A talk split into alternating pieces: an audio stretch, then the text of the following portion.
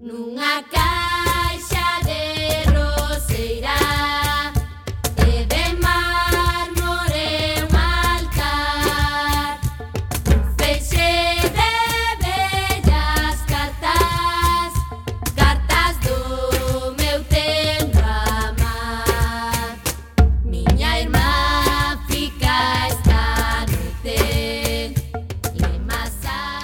Boa tarde, recendeiras e recendeiros, benvidas e benvidos a este espazo radiofónico semanal dedicado á cultura que como sabedes facemos en directo todos os martes como hoxe a 7 da tarde aquí en Cuac FM, que xa sabedes que é a Radio Comunitaria da Coruña. Estamos na 103.4 da FM.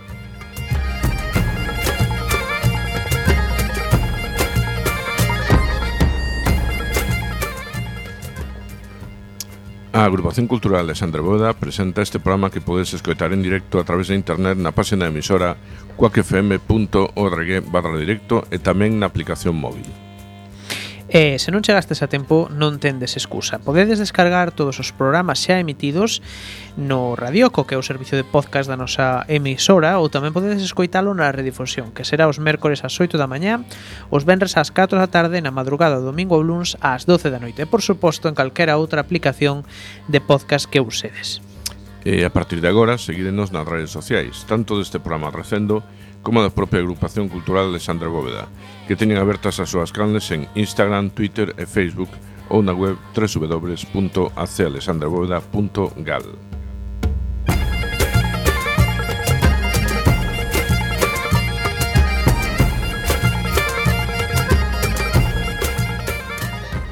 Pois xa sen máis, imos caralo na procura outro día máis desta fantástica aventura cultural e hoxe temos nos mandos técnicos deste programa a Roberto Catoira que tamén está eh, falándolles coa Almanteira, Roberto Catoira. Eh, moi ben acompañado na locución por Miguel Anxo Facal.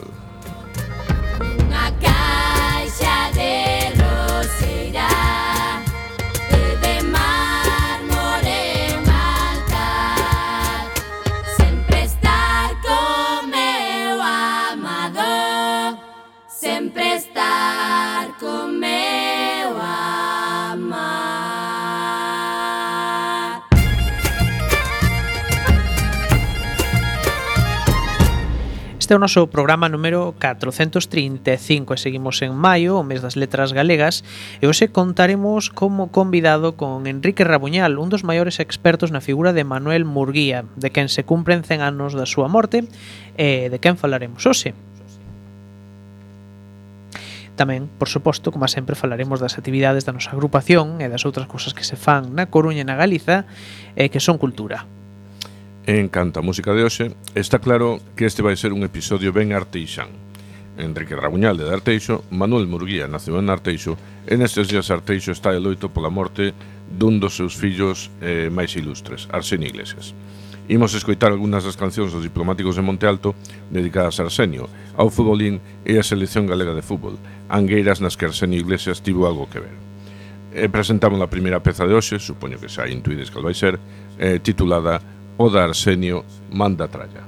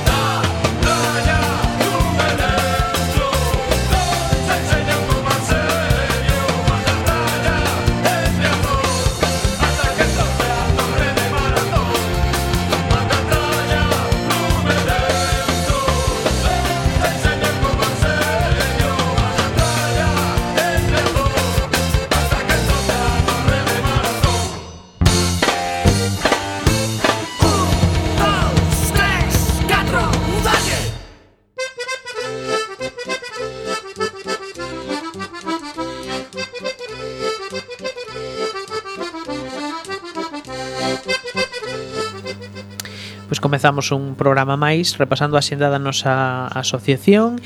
Eh, comezamos polo mércores 10, o día no que colleremos un encontro en colaboración coa CIGA e Mar de Lumes con Nicolás Augusto Hernández eh, Guillén, neto de Nicolás Guillén, eh, presidente da fundación que leva o nome do escritor. Nesta palestra falarános do papel central da cultura en Cuba, do seu avó e das ligazóns co Estado español na Guerra Civil, ademais de referirse tamén á situación actual en Cuba desde o punto de vista cultural e político.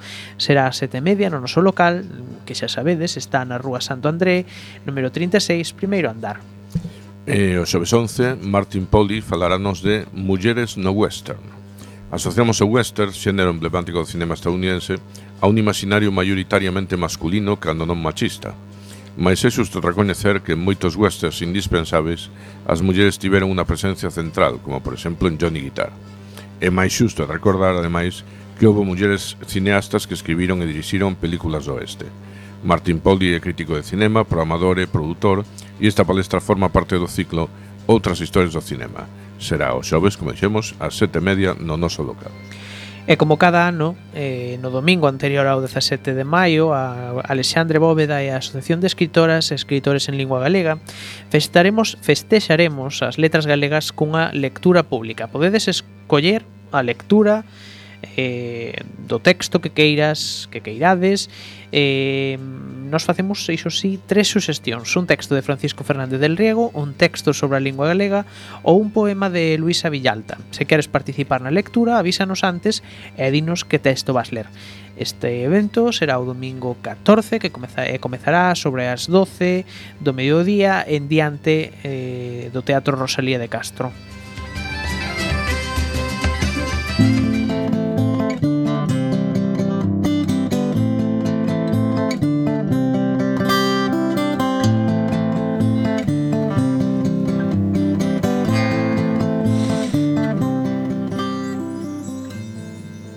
eh, imos agora coa xenda coruñesa, a nosa cidade. Comezamos polo audio, audiovisual. Na última semana de abril teve lugar o festival Playdoc en Tui, e como todos os anos, no CEGAI proxectan algunhas das obras que puderon verse ali. Esta semana botan pezas da directora belga Chantal Ackerman e de cineasta hindú Aravindan Govindan. Serán o mércores 10, xoves 11 e vendres 12 a diferentes horas. Artes escénicas. Esta semana prosegue o Festival Corfest. Todas estas citas que vos imos dicir a continuación terán lugar no Teatro Colón, o xoves 11 ás 8:30, Outrora Nos da Compañía Galega Mevadeus, o xoves 12, o perdón, o venres 12 ás 8:30 tamén, Amur da Compañía María de Jong Teatros en Palabras para Público Infantil, o sábado 13 ás 10 eh, da noite, os días alleos de Bob Pop da compañía El Terrat. Eh, se pasamos agora a danza, eh, sabes que hai un ciclo moi interesante que se chama Terras de Danza. E esta semana tamén hai varias citas, sempre no Teatro de Rosalía e sempre ás oito e media da tarde. O vendras 12 a obra galega vai ben sobre as mareas vivas e o sábado 13 Mabusona da compañía Produción Ibona. E o último bloque escénico vai sobre teatro infantil porque a loca historia de Frankenstein da compañía eh, A Caer Teatro do Mundo poderá verse o sábado 13 ás 6 no Foro Metropolitano e León e as cores da compañía galega, galega Témolo Teatro estará en este ao domingo 14 no Teatro do Andamio con sesións ás 12 e media e ás 6. Pasamos agora ao campo da música. Love of, Les Love of Lesbian, o cuarteto formado por Santi Balmes, Julián Saldarreaga, Jordi Troch e Oriol Bonet, están pechando a súa xira VHN, na que están acompañados no directo por Ricky Falner, Dani Ferrer e Marclos. Actúan no sábado 13 ás 21 horas no Coliseum. E como todos os anos vai haber un ciclo de jazz no Teatro Colón no mes de maio e comeza xustamente este domingo 14 ás 8 coa actuación de Iván Vilela e Pablo Castaño no concerto de presentación do disco Matriz. O Concerto Semanal da Orquesta Sinfónica de Galicia será nesta ocasión dirixido polo costarricense Giancarlo Guerrero para interpretar únicamente a Sinfonía número 7 de Mahler. Será o vendres 12 ás 8 da tarde no Pazo da Ópera. E rematamos cun par de citas en salas coruñesas o xoves 11 ás eh, 9 tocan toca o neno da hipoteca na sala Mardi Gras e o domingo 14 ás 8 toca o grupo folk Sangre de Muérdago na Garufa Club. En canto ás exposicións, o mércores 17 de maio, curioso día, festivo das letras galegas, pois pechan un eh, digo, decimos que curioso día para que pechen un par de exposicións que puideron verse dende marzo. Unha delas foi a exposición do pintor Raúl Álvarez na sala do Pazo Municipal e a outra do ilustrador leonés Javier Zavala na sala Salvador de Madariaga.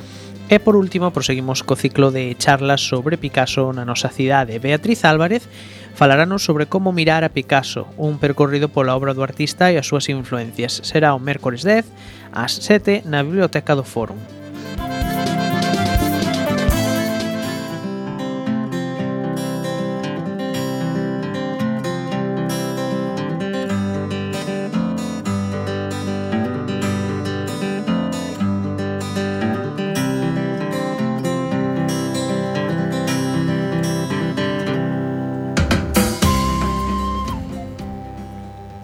rematamos coa nosa terceira das axendas que sempre a de Galiza, o noso país.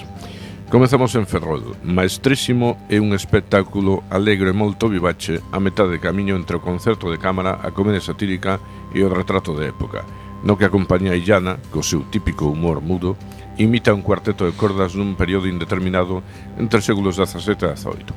Atón o sábado 13, ás 8 media tarde no Teatro Jofre. Semella que o Centro Dramático Galego quere facerlle unha boa homenaxe a Xoana Torres e por esa razón está paseando moito a súa nova obra Un hotel de primeiras sobre o río.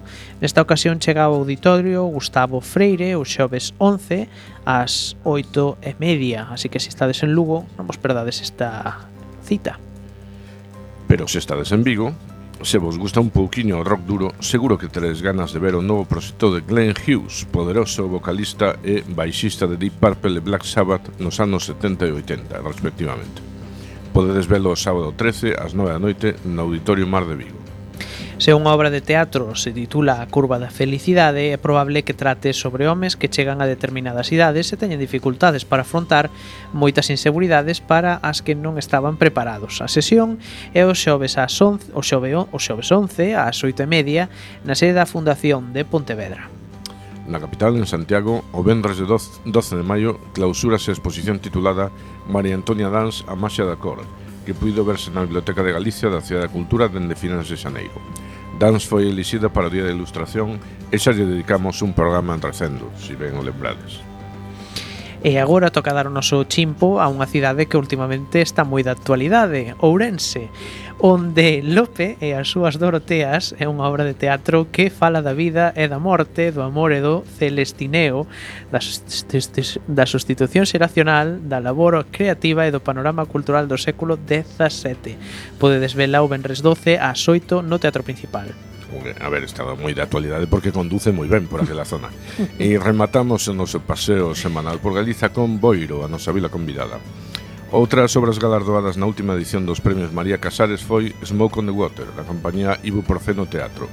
Eh, quen sabe, Smoke on the Water cantou na Glen Hughes no seu momento, xa que aquí todo é circular. Eh, os boirenses poderán disfrutalo vendres 12 ás 9 da noite na Casa de Cultura Ramón Martínez López.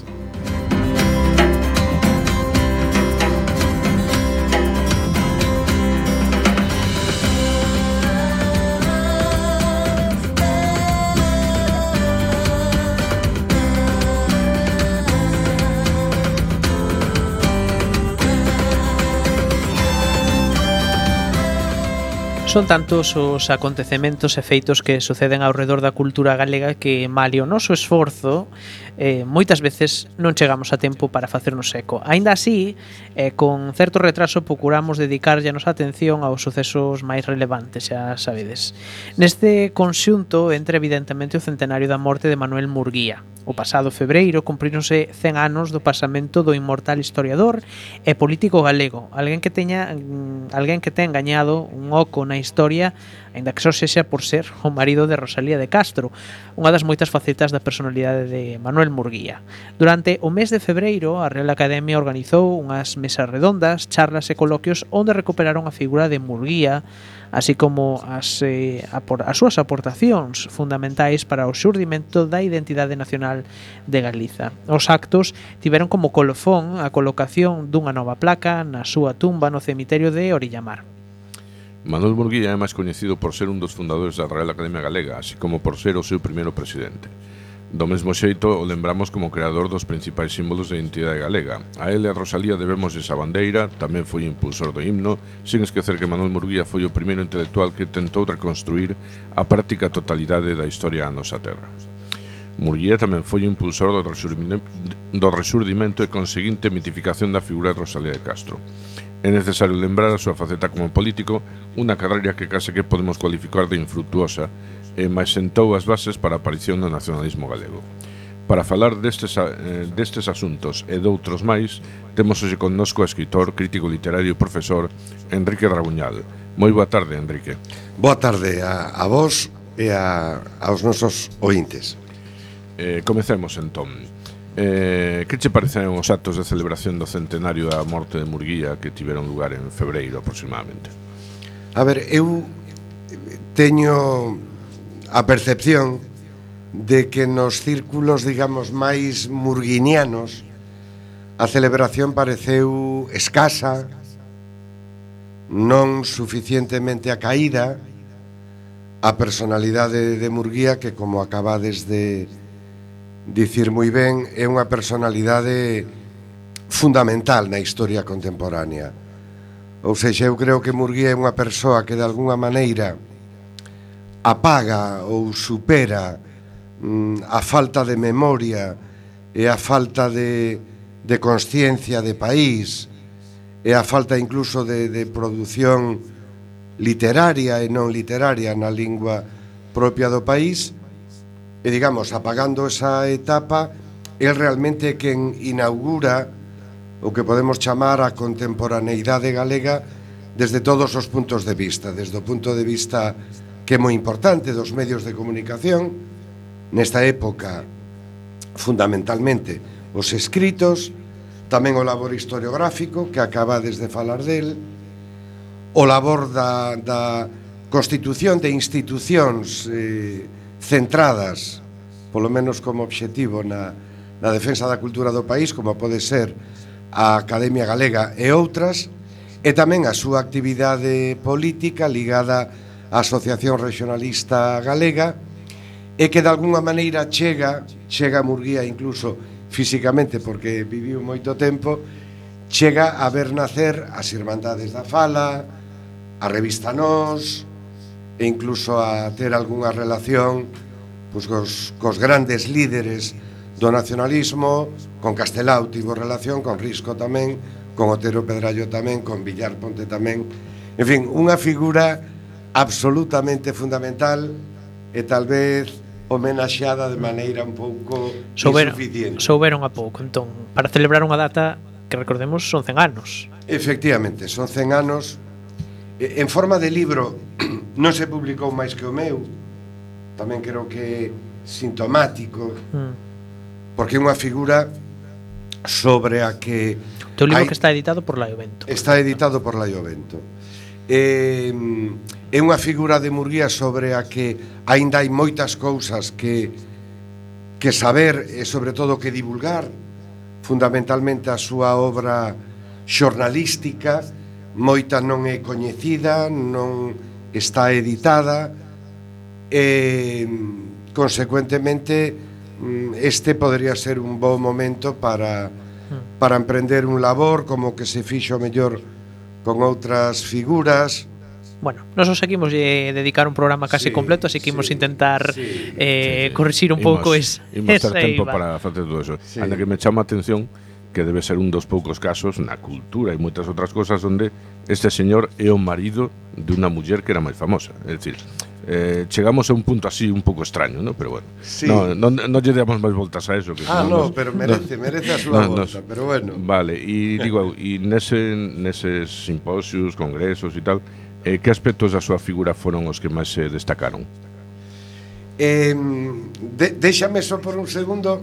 Vale, vale, queres tirar no, o fío, no. Eh, a ver, eh, eu nun libro meu de hai 24 anos ou 25, eu falaba do tándem usando o, o, o símil biciclístico do tándem Rosalía Murguía porque conviviron durante 30 anos, tiveron unha familia, eh, compartiron moitísimas cousas, experiencias persoais, eh, creo que vos dicíades con razón que como Rosalía morreu tan cedo, pois Murguía foi unha persoa que se ocupou moito de promover a súa figura e de tal vez de mitificala, tal vez incluso con algún erro.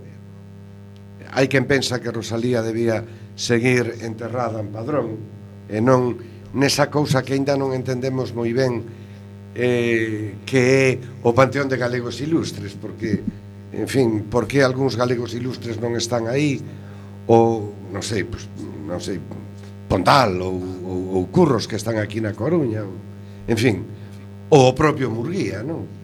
Pero, no, eu o que quero é reivindicar eh, o feito de que a proxección que tivo Rosalía no espazo literario e intelectual primeiro español, galego desde logo, despois europeo e finalmente no que podemos chamar un espazo global onde Rosalía interesa pois eh, en Estados Unidos, en Alemanha, en Italia, en E entón a figura de Murguía quedou un pouco preterida.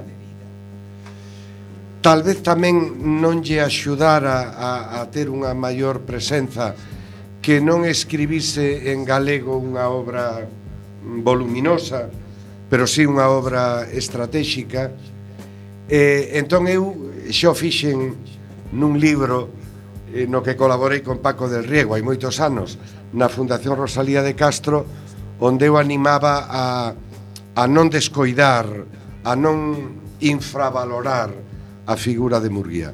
Por certo, a Fundación Rosalía de Castro acaba de dedicarlle un monográfico da revista Follas Novas, que é unha revista espléndida, con moitísima altura en todos os seus colaboradores, a Manuel Murguía. Perdón que me estendín. Que aspectos se, se abordaron? Pois prácticamente todos. Non, non direi todos, pero os máis importantes, non? O seu labor como historiador, que é un labor eh, fundamental, fundamental porque Murguía escribe unha historia científica, que creo que é importante, e en segundo lugar porque escribe unha historia patriótica, dicir, unha historia que mm, por primeira vez un intelectual do mundo da historiografía define o noso país como unha nación, como unha nacionalidade, e ademais eh, ofrece unha caracterización nacional deste país. Tamén o, o seu o seu propio talento creativo, eh, Murguía fixo poesía, eh, fixo narrativa moita, publicou aquel libro para min tan especial e tan valioso titulado En prosa, e foi desde logo un enorme xornalista. Tamén a súa obra xornalista foi foi avaliada. E moitos outros aspectos, aquí xa comentastes algún, o seu papel, claro, tan importante na Real Academia Galega que cando se constitúe, pois tivo moitos detractores e moitas persoas en contra. Eh, tamén, como todo mundo sabe, Murguía foi unha personalidade polémica. Mm. Diría polémica tamén no, no mellor sentido da palabra Creo que a polémica forma parte do traballo intelectual. E eu teño pensado e penso que mm, exerceu de polemista non tanto por defenderse así mesmo, senón por defender o que a o elemento central da súa vida, que é a defensa de Galiza, da súa lingua, da súa cultura. E despois, por non alongarme, tamén se debateu moito, porque é un tema moi polémico, a cuestión do celtismo. Dixemos falar dentro dun pouquiño. Pero xusto antes mencionaches que mm, tamén tivo a súa faceta como literato, non? Que incluso escribe poesía, por exemplo. Sí. Pero por que abandonou esta vocación mm, tan rápido? Eh, a ver, a pregunta... Sabémoslo porque igual non o sabemos. Claro, a, a, a pregunta é complexa. Igual había que facer ya él tamén. Sí, sí, había que facer ya él, non?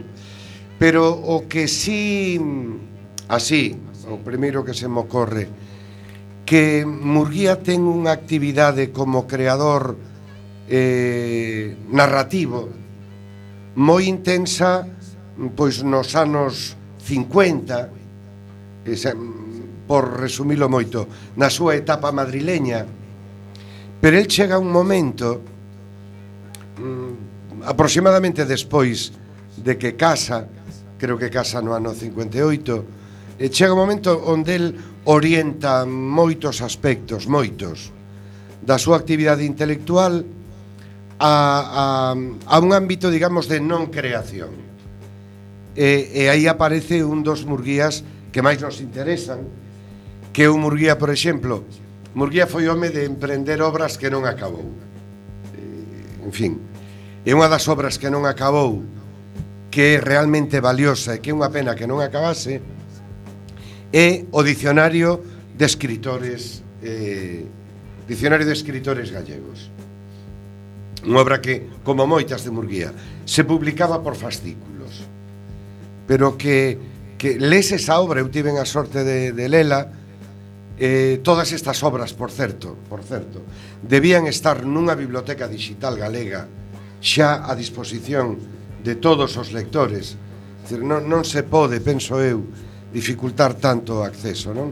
Ás veces teñome queixado que a Galiciana, a biblioteca digital que temos, eh, debera estar mellor dotada, eh, ser máis clara para o seu uso e creo que conter moitas máis obras.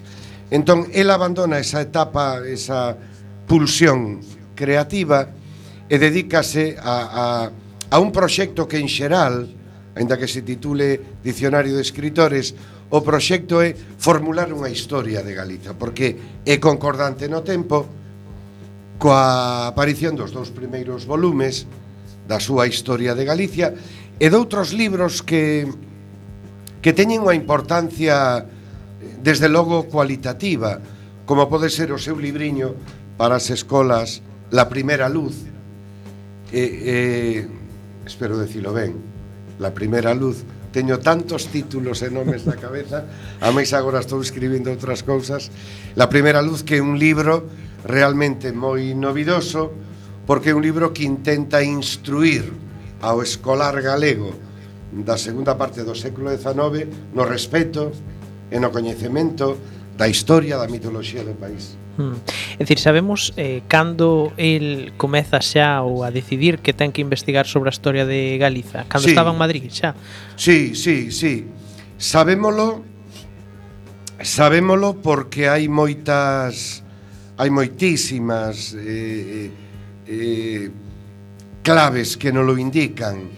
Eh, e unha das claves que creo que é a máis importante é ver os artigos que publica.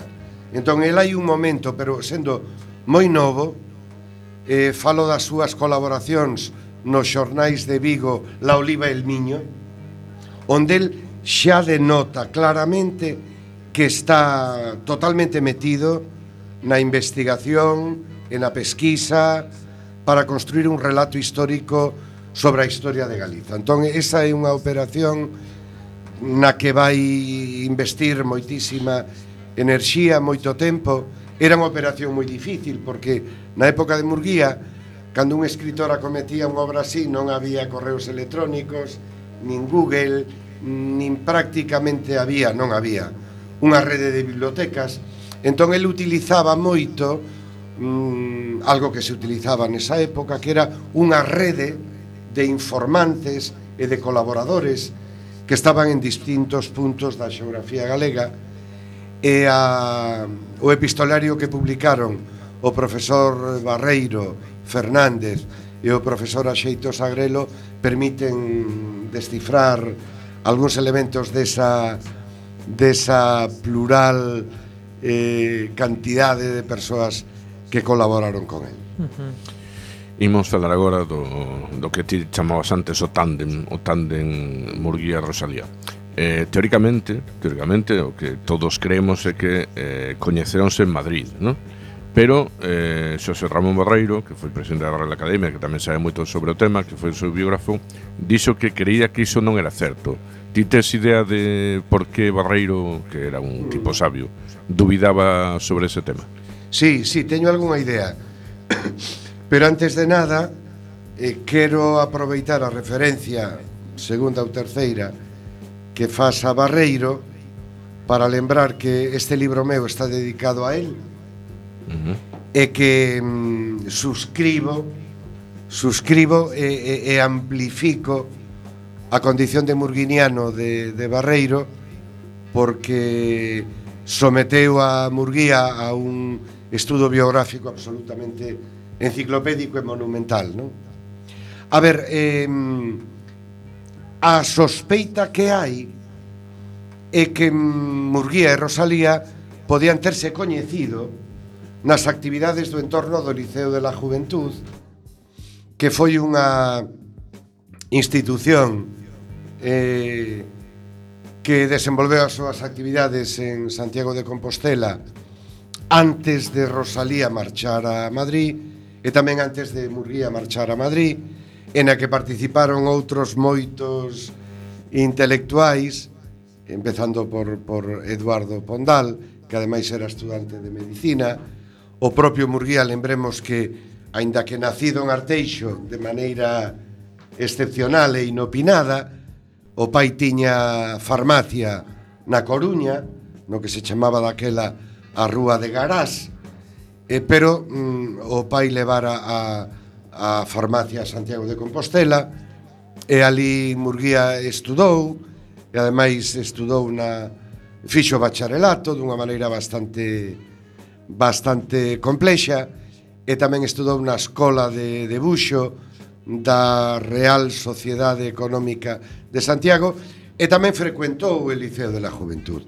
En todo caso, eh, habendo ese coñecemento previo posible, O que está claro é que a súa relación eh, fortalecese eh, a un nivel tan grande que deciden casar eh, en Madrid, onde ademais Murguía non sabemos se é un acto de seducción ou un acto literario, intelectual, Murguía fai unha reseña dun libriño que publicou naquela época Rosalía en Madrid titulado La Flor, pero que está claro é que eles entran en, en relación. Rosalía, polo que sabemos, tiña as súas amizades e os seus faladoiros, pero eu teño a sospeita, como tamén Barreiro e todas as persoas que estudaron o tema, que Murguía, que levaba xa cando chega Rosalía a Madrid, creo que cinco anos na capital, pois Murguía xa tiña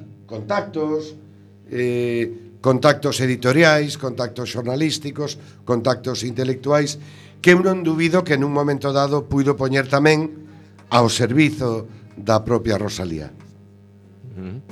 E cando tivo Murguía a idea de converter a Rosalía nun símbolo nacional? Eh, a ver, eu creo que unha parte moi importante da obra e que non sei que me dá mm, subliñar, porque alguén pode pensar lonxe do meu interés, alguén pode pensar que intento eh, quitarlle algún mérito a Rosalía, nin moito menos. Pero o que sí eu creo que se pode detectar facilmente é que Murguía puxo todo o seu acervo, toda a súa enerxía, primeiro a favor de que Rosalía publicase a súa obra e de feito sabemos que en Cantares Gallegos hai unha participación directa de, de Murguía directa e ademais sinalada eh, pola letra M nun, nun apéndice que leva a obra. Eh, sabemos tamén que Morta Rosalía eh, Murguía participa moi decisivamente para que se publique xa unha primeira versión do que daquela eran as obras completas de Rosalía e o que sí sabemos, e o profesor Barreiro mm, determina o sen ningunha dúbida, é que a morte de Rosalía Murguía mm, considera un obxectivo da súa vida eh, outorgarlle a Rosalía o, o, o máximo mm, recoñecemento no mundo literario e no mundo cívico galego e, e por iso, tal vez tamén por iso, se sentiu tan ferido cando alguén, penso, por exemplo, en Dona Emilia Pardo Bazán, pois para Murguía non estivo a altura de considerar os méritos de Rosalía. Estamos falando en Recendo na sintonía de Coac FM con Enrique Rabuñal que nos acompaña aquí nos estudios José Couso da Zapateira sobre Manuel Murguía, porque ele é experto nesta figura, xa o estamos comprobando e antes mencionounos unha das palabras clave Eh, máxicas na historia tanto de Galiza como da, bueno, da vida de Murguía que é celtismo celta, non? Eh, can, el foi o primeiro en de feito en sinalar as orixes celtas do povo galego. De onde sacou esta idea? Eh, por que foi unha afirmación polémica no seu momento, Enrique? A ver, eu creo que foi e case me atrevería a decir case eh, que, que segue sendo unha afirmación polémica porque por, por varios motivos, pero un deles que non é menor é que mm, eu non son especialista no celtismo eh, se se me permite pois son algo especialista en Murguía pero xa no celtismo é moi moi, moi grande non? pero eh, Murguía na súa caracterización do noso país e da súa cultura, concedeulle ao celtismo un papel moi importante, un papel nacionalizador moi importante. O cal nos podría levar tamén a, a, a unha reflexión que eu creo que hai que facer moito no contexto intelectual e científico do século XIX, onde os intelectuais que nos poden parecer máis progresistas fago un paréntese, eh, Murguía, ademais de galeguista, pertencía, digamos, ao ámbito progresista, coxe diríamos de esquerdas da vida política que lle tocou vivir. E digo que incluso entre eles críase na existencia de, de, de razas e na existencia de razas superiores e, e inferiores, etc. etc. Non? Entón, eu ademais eh, teño a impresión de que Murguía eh, bueno, decir vulgarmente estirou o chicle do, do celtismo até límites eh, que hoxe resultan exagerados, non? Incluso no aspecto lingüístico, cando hoxe sabemos que, que o galego é fundamentalmente unha lingua latina, fundamentalmente, e realmente mm, a pegada céltica que coñecemos eh, filolóxicamente é unha pegada escasa, con algunha presenza tal vez no ámbito eh, fonético. Vai, que eh, non eh, se desbota tonto, pero non tanto nivel como eh, que naquel momento propoñían, non? Ei, sí. Eh, Pois pues continúa, porque non sei que non sei, eh, o sea, non sei se realmente eh, te interrumpín. Non, eh, non. estábamos falando a de ver, eh, eh, eh foi unha eh, naquel momento a mí interésame moito tamén a ver porque eh, chega a ser unha afirmación moi polémica, pol, polémica, pero naquel momento tamén foi máis, non? Por que? A ver, eh... Igual polos mesmos motivos que agora Tamén, non sei. Mira, eu sinceramente o que penso mm, e, e cada vez mm, incluso despois de escribir este libro tiven máis información o que resultou no momento en que Murguía, digamos, defende o seu ideario o que resultou moi polémico é no ámbito da historiografía española e moi concretamente no ámbito da Real Academia da Historia. Onde, por decirlo abertamente, eh, chocaba contra os seus intereses. Exactamente. E ademais non vían ben este que este que vou dicir creo que o o, o, punto, o titular, o titular. O titular. Non vían ben que alguén cuestionase o relato historiográfico español convencional que digamos que era exhibido pola Real Academia Española como o relato único, e entón o que acusaban a Murguía mm, no meu libro Fagomeco de algún destes documentos e achego, e a biografía de Barreiro ten moitos máis, entón acusaban a, a Murguía pouco menos de ser un heterodoso, de ser un herexe historiográficamente e de, digamos, inventarse unha nación galega unha nación incluso eh, que Murguía chama en algún momento celto-sueva, celto-galega, e entón eu creo que aí é onde está o, o, o grosso do debate. Non tanto na, na vinculación á, a cultura celta de Galiza, senón na formulación que fai Murguía dun, dunha nacionalidade, hmm. a galega, que, que nesa medida discrepa co, co relato historiográfico español e ademais que nos sitúa este outro, outro dos grandes elementos da biografía intelectual de Murguía que nos sitúa, digamos, nalgo que eu creo que é moi actual que é de que está constituído o, eleme, o, o Estado español. Se está constituído dunha unidade digamos, lingüística, cultural, política ou, como quería Murguía, dunha pluralidade E até que punto, porque esa é unha formulación que está moito en Murguía, o Estado está disposto a recoñecer, pero a recoñecer non digamos eh, eh, polas bravas, senón recoñecer o que para Murguía existiu históricamente. Mm. Dá má sensación que mm, pasados máis de 100 anos dese escándalo que foi, non, afirmar isto, eh, segue estando bastante da actualidade, non? Quero dicir, eh, pois, Totalmente. Pues, eh, non sei se fasla iso tamén un pouco da, actuali da, da, da forma na que a figura de Murguía tamén pode estar da actualidade. Totalmente.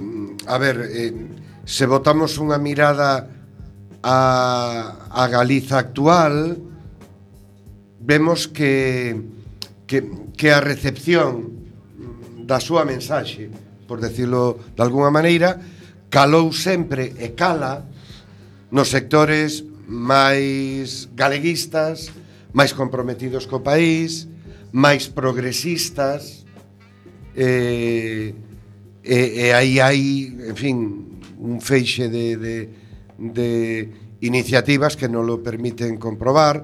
Acabo de falar da, da Casa de Rosalía e de Follas Novas.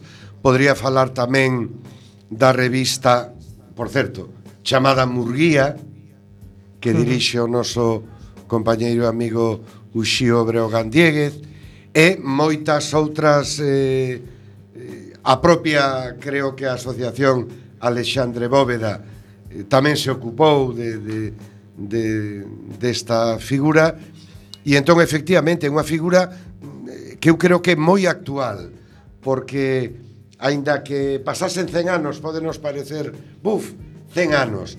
Sí, pero eu teño a impresión de que mm, cinco ou seis dos grandes temas que nos preocupan hoxe hai 100 anos estaban no, no taboleiro do debate político.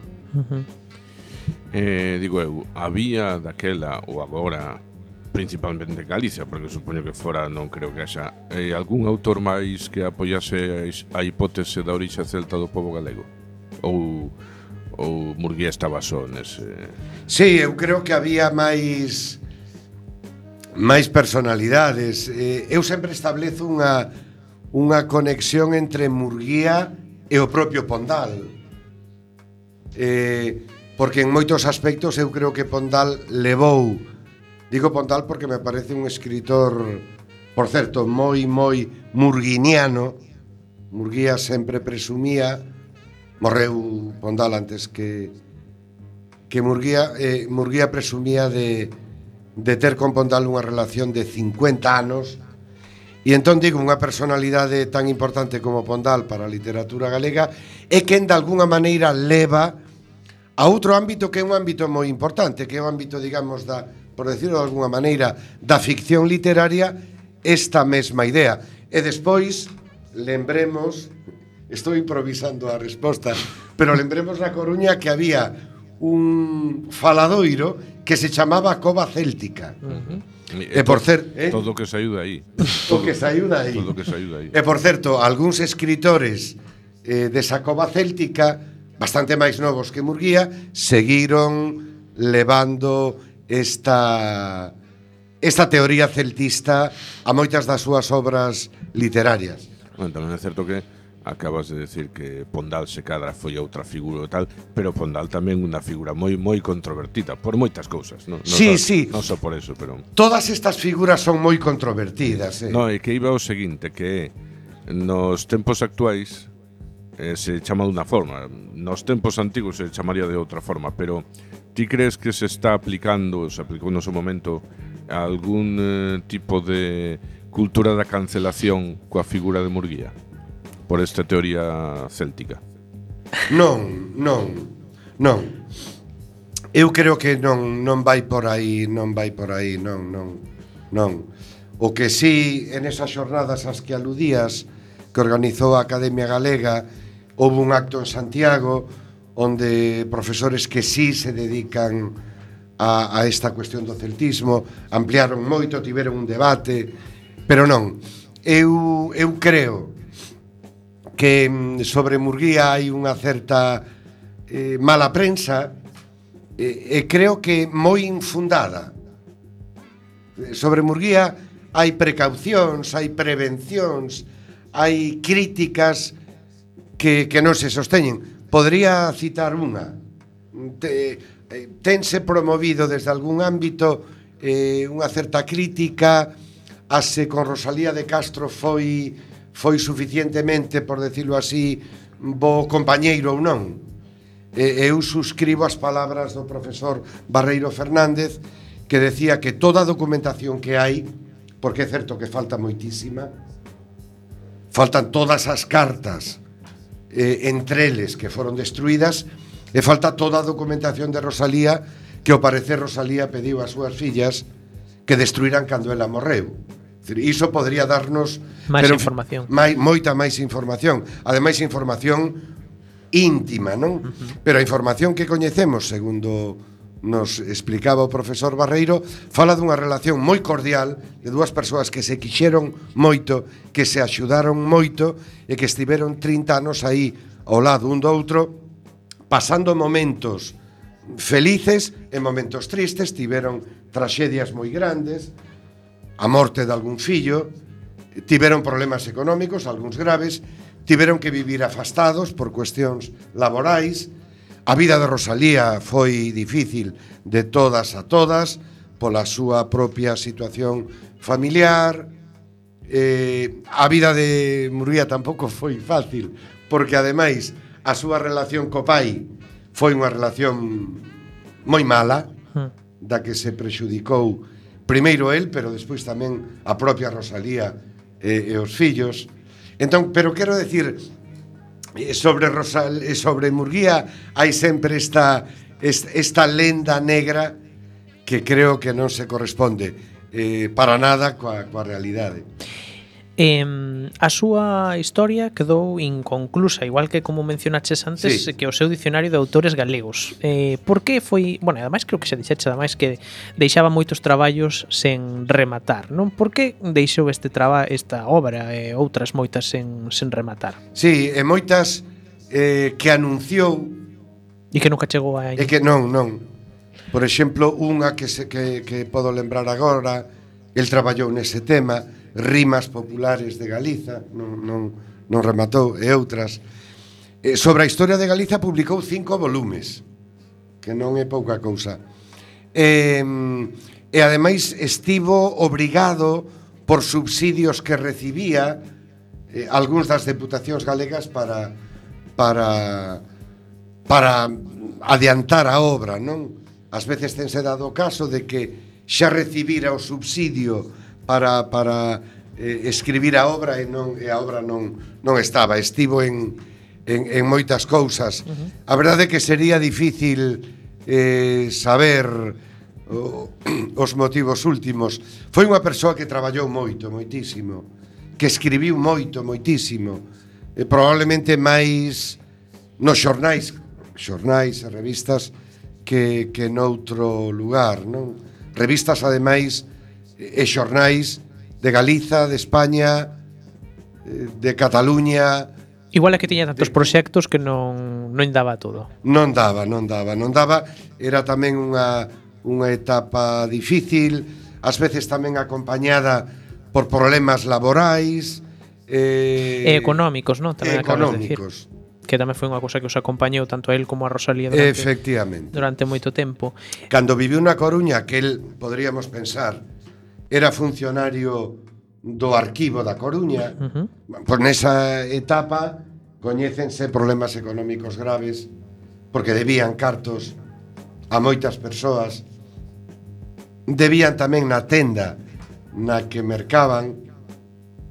En fin, eh, vida Que non o tiveron fácil. No, non o tiveron nada nada fácil. Ademais Burguía eh, nos últimos momentos da súa vida Ele estaba moi preocupado porque as fillas, sobre todo as solteiras, penso en Alejandra, eh, que podían quedar sen, sen nada, porque ela, ademais, xubilouse sen dereito a pensión por non ter cotizado os anos establecidos daquela, pero hai que recoñecer que as institucións, en concreto a Deputación da Coruña eh, e o Concello da Coruña, foron moi dilixentes para, para axudarlle a, a esas fillas que quedaron cando el morreu.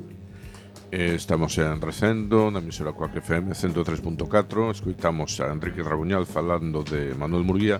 Quedan 3, 4 minutos de entrevista Pero imos intentar aproveitar. Apenas falamos da súa vertente política. Eh, Como dixetes antes, era considerado un progresista incluso un radical, se podía considerar. Eh, Cales era, cales era, mais, cal era máis ou menos o seu ideario político e por que, por que era radical naquela época? Eu creo que un pouco o, o seu ideario político o seu ideario político diríamos que ten como dúas patas, non? Unha pata mm, galeguista que se pode denominar na súa época regionalista, prenacionalista, e, e el aí ten unha, unha actividade moi grande, presidindo a Asociación Regionalista Galega e participando en moitas actividades que sendo unha instancia política tiñan tamén unha unha orientación cultural. Eu sempre lle digo ao meu alumnado que o galeguismo en todos os seus eh, momentos ten sempre unha pata cultural e unha pata política propiamente, non? Aí está, por exemplo, a, a súa intervención, por, por citar unha, nos xogos florais de Tui, dentro do, do, da, do regionalismo desa época, ou incluso eu creo que a propia actividade inicial da, da Academia Galega e que inscribila tamén nese, nese discurso. Pero, ademais de Zapata, digamos, de, de, de aspirar a que España se constituíra o que hoxe podríamos chamar federalmente, recoñecendo a diversidade. Ademais, Murguía, que nunca esqueceu que era fillo dunha muller vasca, e que ademais el tiña moita relación con Cataluña e co, mm, coa renaseixa catalá e co prenacionalismo catalán. De feito, eh, foi invitado a Barcelona a falar do, do regionalismo galego, pero hai outra pata que efectivamente hai algo que acompaña toda a súa vida, que é o que o que eu chamo ás veces a tensión entre a democracia e a barbarie. Unha tensión que se deixa ver en todo o século XIX.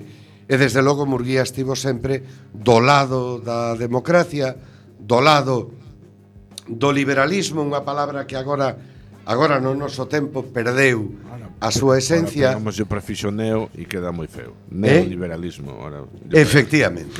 Agora, a palabra liberalismo é pouco, me, pouco menos que sinónimo de dereita ou cousa peor, pero nesta época nesta época significaba significaba realmente liberdade, liberdade para votar, unha liberdade moi importante para el que era a liberdade de prensa e de expresión. Enrique, que estamos chegando ao final, eu quería Seguro. que a parte de mm, darnos a referencia do teu libro, nos recomendes eh, pois algunha obra para introducirnos na figura de Manuel Urguía para a nosa audiencia que nos está escoitando neste momento. Como é o teu libro que acabas de publicar en Laio Vento? O meu libro titúlase Murguía un século despois. Uh eh, -huh. É unha obra, eh, sí. Eh, A ver, hai tantos, pero un libro que eu creo que vai sorprender ao lectorado é o que se titula En prosa. Hai varias edicións modernas, o libro de 1895, pero repito, hai varias edicións modernas, é fácil conseguilo en calquera eh, en calquera. biblioteca da Coruña, e repito, o lectorado vai quedar sorprendido dun libro moderno, sincero, e que nos di tanto da alma deste grande persoeiro que Murguía. Pois se quedachedes con ganas de seguir eh, profundizando na figura de Manu Murguía, que seguro que sí, porque aquí mm, vou o tempo escoitando a Enrique Rabuñal, pois aí tendes eses dous libros para seguir aprendendo máis sobre a súa figura. Escoitar, Enrique, sempre unha delicia. Eh, sen tempo para máis odiseas imos chegando a fin do camiño deste recendo. Despedimos o programa de hoxe agradecendo aos nosos convidados, ao noso convidado, que como sempre son de honra, hoxe tivemos connosco a Enrique Rabuñado. E agradecendo tamén, como sempre, a semente pedra angular de todo o noso comando equipo de produción formado por Javier Pereira, Gema Millán e Roberto Catoira. E aquí estivemos, Roberto Catoira, nos controis técnicos